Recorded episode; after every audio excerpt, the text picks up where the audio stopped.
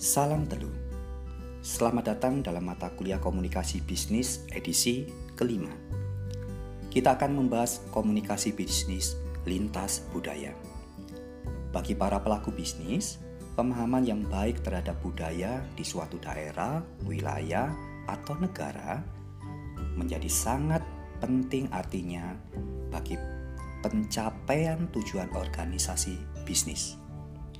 Secara sederhana, komunikasi bisnis lintas budaya adalah komunikasi yang digunakan dalam dunia bisnis maupun komunikasi verbal dan non-verbal dengan memperhatikan faktor-faktor budaya di suatu daerah, wilayah, atau negara. Pengertian lintas budaya dalam hal ini bukanlah semata-mata budaya asing tetapi juga budaya yang tumbuh dan berkembang di berbagai daerah dalam wilayah suatu negara. Indonesia sebagai salah satu negara yang sangat kaya dengan aneka macam budaya merupakan salah satu contoh yang sangat berharga bagi para pelaku bisnis dalam menerapkan komunikasi bisnis lintas budaya. Sebagaimana diketahui, setiap daerah yang ada di Indonesia memiliki kekhasan budaya yang tidak dimiliki oleh daerah lainnya. Seperti bagaimana seorang berkomunikasi dengan orang lain, bagaimana seseorang menghargai orang lain, bagaimana mereka memanfaatkan waktu yang ada, bagaimana mereka bekerja, bagaimana mereka meyakini atau mempercayai sesuatu yang sudah turun-temurun dari nenek moyang mereka, bagaimana mereka berpakaian, dan bagaimana mereka memperlakukan suatu produk. Apabila para pelaku bisnis akan melakukan ekspansi bisnisnya ke daerah lain atau negara lain, pemahaman budaya di suatu daerah atau negara tersebut menjadi sangat penting artinya, termasuk bagaimana memahami produk-produk musiman di suatu negara. Hal ini dimaksudkan agar jangan sampai terjadi kesalahan fatal yang dapat mengakibatkan kegagalan bisnis. Sebagai contoh, Seorang pelaku bisnis ingin memasarkan produk baru ke negara lain pada saat musim salju. Produk apa saja yang sebaiknya dipasarkan pada musim seperti itu? Pemahaman yang baik terhadap bagaimana masyarakat suatu negara bersikap, berperilaku dalam kehidupan sehari-hari mereka di musim-musim tertentu sangatlah diperlukan apabila bagi para pelaku bisnis supaya usahanya bisa berhasil. Pada umumnya, masyarakat di suatu negara yang memiliki musim salju akan memperhatikan berbagai kebutuhan hidupnya sesuai dengan cuaca yang sangat dingin dengan suhu di bawah 0 derajat. Pada saat musim salju tiba, mereka memerlukan berbagai macam produk yang sesuai dengan musimnya. Misalnya produk jaket, alat penghangat ruangan, sepatu untuk salju, sarung tangan untuk salju, dan sejenisnya. Oleh karena produk-produk tersebut sangat dibutuhkan oleh masyarakat, wajar apabila harganya pada saat musim salju relatif mahal. Sebaliknya, harganya di luar musim salju cenderung murah karena dijual dengan harga diskon atau opral. Sudah saatnya juga bagi para pengambil keputusan, khususnya manajemen puncak, mengantisipasi era perdagangan bebas dan globalisasi sejak dini. Era yang ditandai dengan semakin meluasnya berbagai produk dan jasa, termasuk teknologi komunikasi ini menyebabkan pertukaran informasi dari suatu negara ke negara lain semakin leluasa. Sehingga seolah dunia ini tidak lagi terikat dengan sekat-sekat yang membatasi wilayah suatu negara. Tanpa harus mengamati secara jeli, orang awam pun mengetahui bahwa sudah lama Indonesia memasuki era globalisasi. Contoh sederhananya adalah masuknya sejumlah produk jasa dari luar negeri yang dapat dikonsumsi oleh konsumen di tanah air, seperti makanan cepat saji, minuman ringan, mainan anak-anak, pakaian, perlengkapan, komunikasi, dan bisa juga pekerja asing dalam berbagai bidang keahlian yang sudah masuk di Indonesia. Dalam menyingkapi era perdagangan bebas dan globalisasi, perusahaan-perusahaan besar mencoba melakukan bisnis secara global juga. Pada umumnya perusahaan-perusahaan besar yang beroperasi di Indonesia di bidang manufaktur, eksplorasi maupun jasa menggunakan beberapa konsultan asing untuk membantu mengembangkan perusahaan mereka. Begitu pula sebaliknya perusahaan-perusahaan besar di tanah air juga ada yang mengembangkan bisnisnya ke beberapa negara.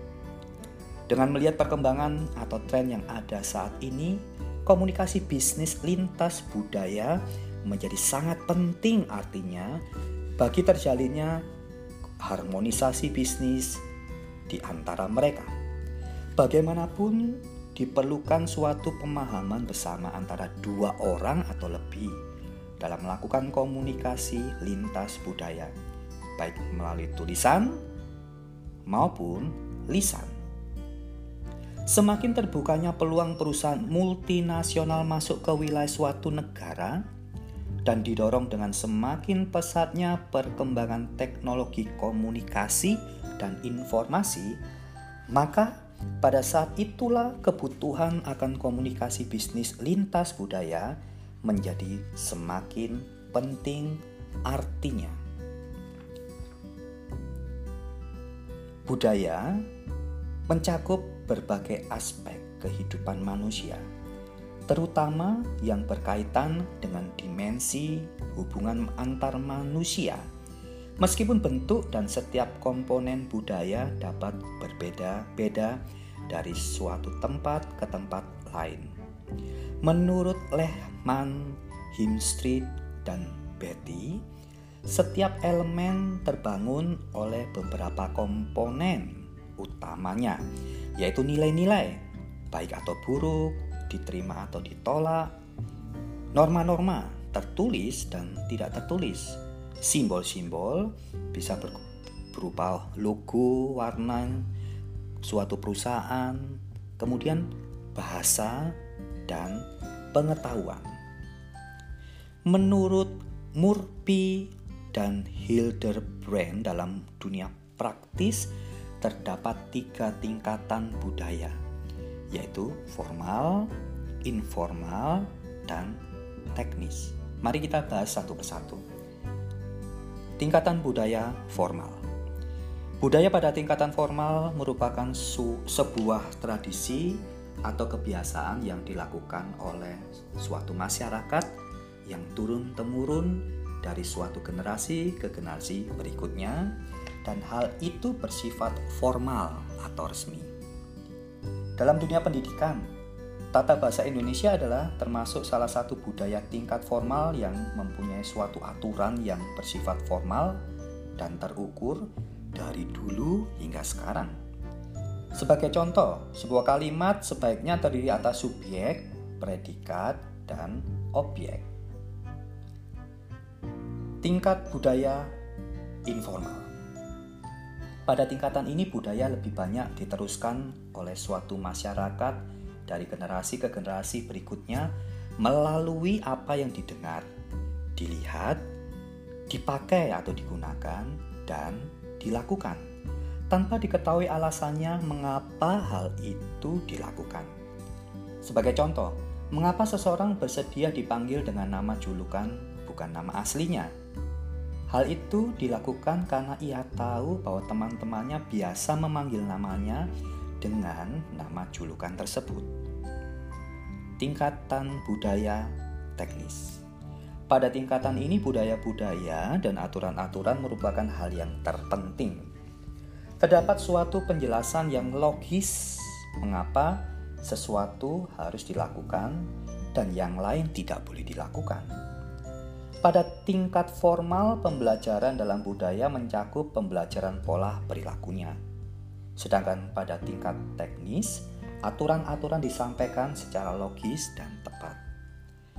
Matematika adalah salah satu contoh yang sangat logis, sehingga suatu kegiatan tertentu dapat diprediksi waktunya secara tepat. seperti kapan suatu kegiatan peluncuran roket bisa dimulai. Pembelajaran secara teknis memiliki ketergantungan sangat tinggi pada orang yang mampu memberikan alasan-alasan yang logis bagi suatu tindakan tertentu. Mari kita membahas mengenal perbedaan budaya. Dalam kehidupan sehari-hari, orang akan selalu berhubungan dengan orang lain yang memiliki latar belakang budaya dan bahasa yang berbeda. Di samping itu, orang yang berbeda dalam hal suku, agama, ras, etnis, pendidikan, usia, pekerjaan, status, dan jenis kelamin. Perbedaan berbagai macam latar belakang budaya yang ada akan mempengaruhi cara seseorang mengirim, menerima, dan menafsirkan pesan-pesan kepada orang lain.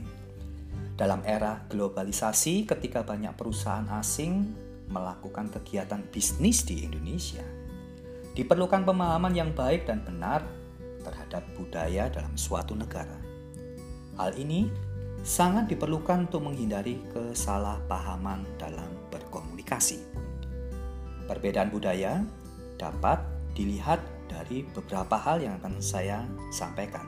Yang pertama, nilai-nilai sosial. Secara umum, orang-orang Amerika berpandangan bahwa uang akan dapat mengatasi berbagai masalah. Kekayaan yang diperlukan dari usahanya sendiri merupakan sinyal superioritas, dan orang-orang yang bekerja keras lebih baik daripada yang tidak bekerja keras. Mereka juga benci terhadap kemiskinan dan menghargai kerja keras. Sedangkan di Indonesia, khususnya orang-orang yang tinggal di daerah pedesaan, masih memiliki nilai-nilai kebersamaan yang tinggi. Sementara ada kecenderungan bahwa nilai-nilai gotong royong mulai memudar di daerah perkotaan, seiring dengan semakin tingginya sikap individualistik. Dua, peran dan status. Budaya menuntut atau menuntun peran yang akan dimainkan seseorang, termasuk siapa yang berkomunikasi dengan siapa, apa yang mereka komunikasikan, dengan cara bagaimana mereka berkomunikasi. Begitu pula dalam hal konsep status, yang cara pandangnya berbeda antara negara yang satu dengan negara yang lain. Kebanyakan status para eksekutif di Amerika dilihat dari simbol-simbol yang bernuansa materialistik. Status sebagai seorang eksekutif ditandai dengan ruang sudut kantor yang luas, karpet mahal, meja kerja eksklusif, dan sejumlah aksesoris yang menarik.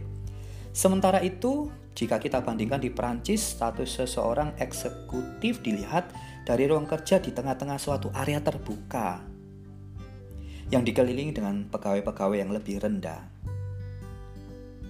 di Indonesia sendiri, status seorang eksekutif dapat dilihat dari penataan ruang kerja yang terkesan laks atau mewah.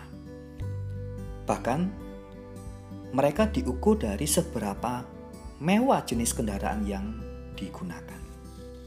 3. Pengambilan keputusan. Di negara-negara maju seperti Amerika, Kanada, para eksekutif selalu berusaha secepat dan seefisien mungkin dalam mengambil suatu keputusan penting.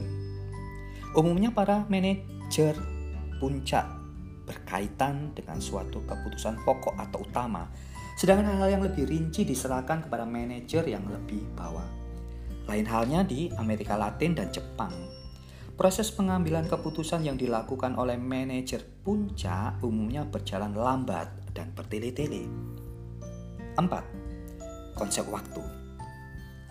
Sebagian besar penduduk negara maju sudah menyadari bahwa waktu sangatlah berharga.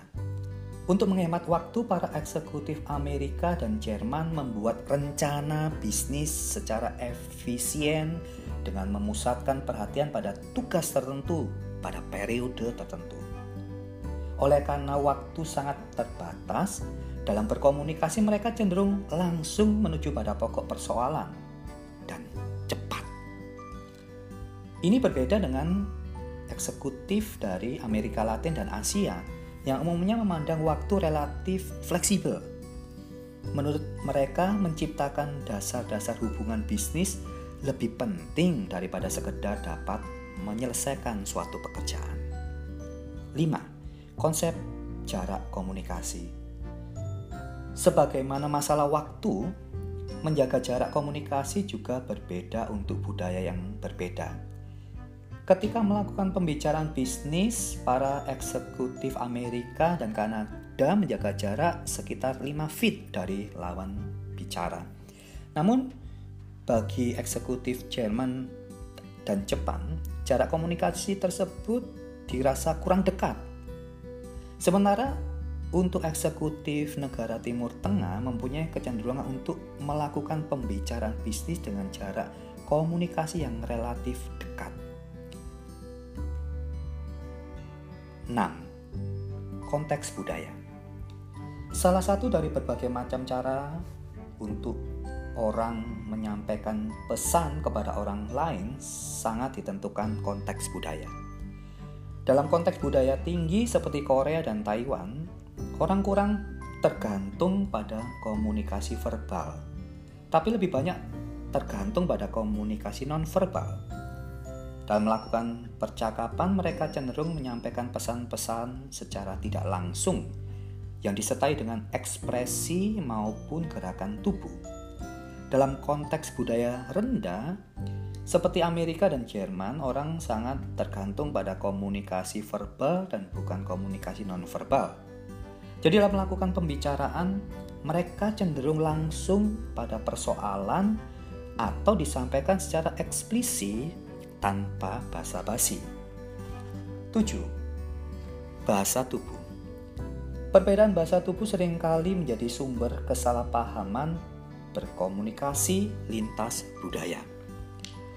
Seringkali orang perlu waspada antara kata yang diucapkan dengan gerakan-gerakan tubuhnya agar dapat diketahui apa maksud yang sebenarnya.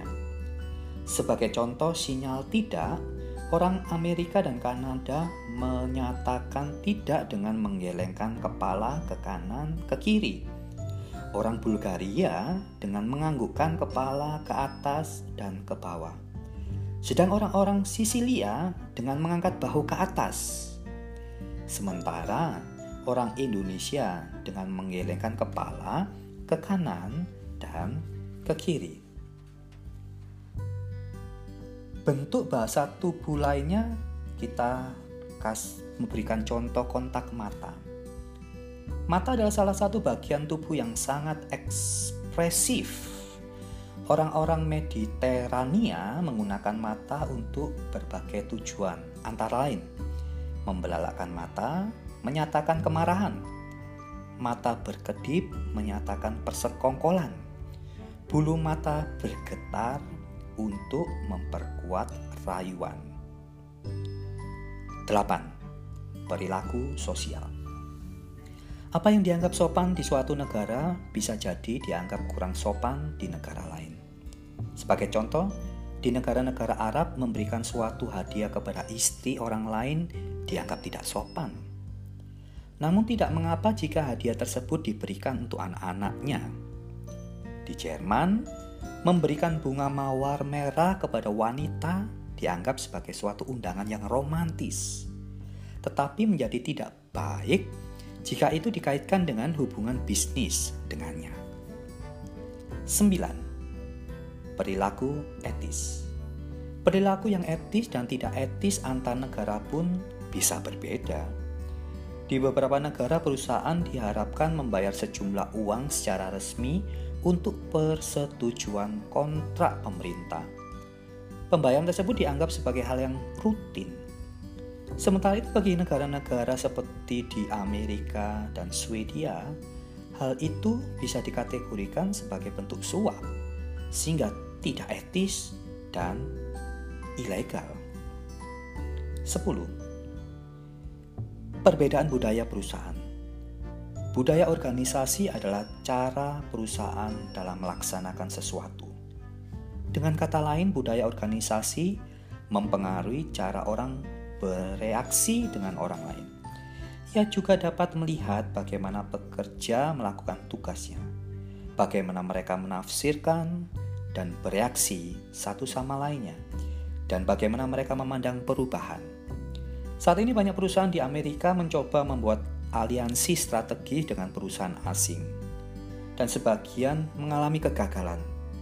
Salah satu alasan kegagalannya adalah bertentangan budaya antara satu perusahaan dengan perusahaan lain.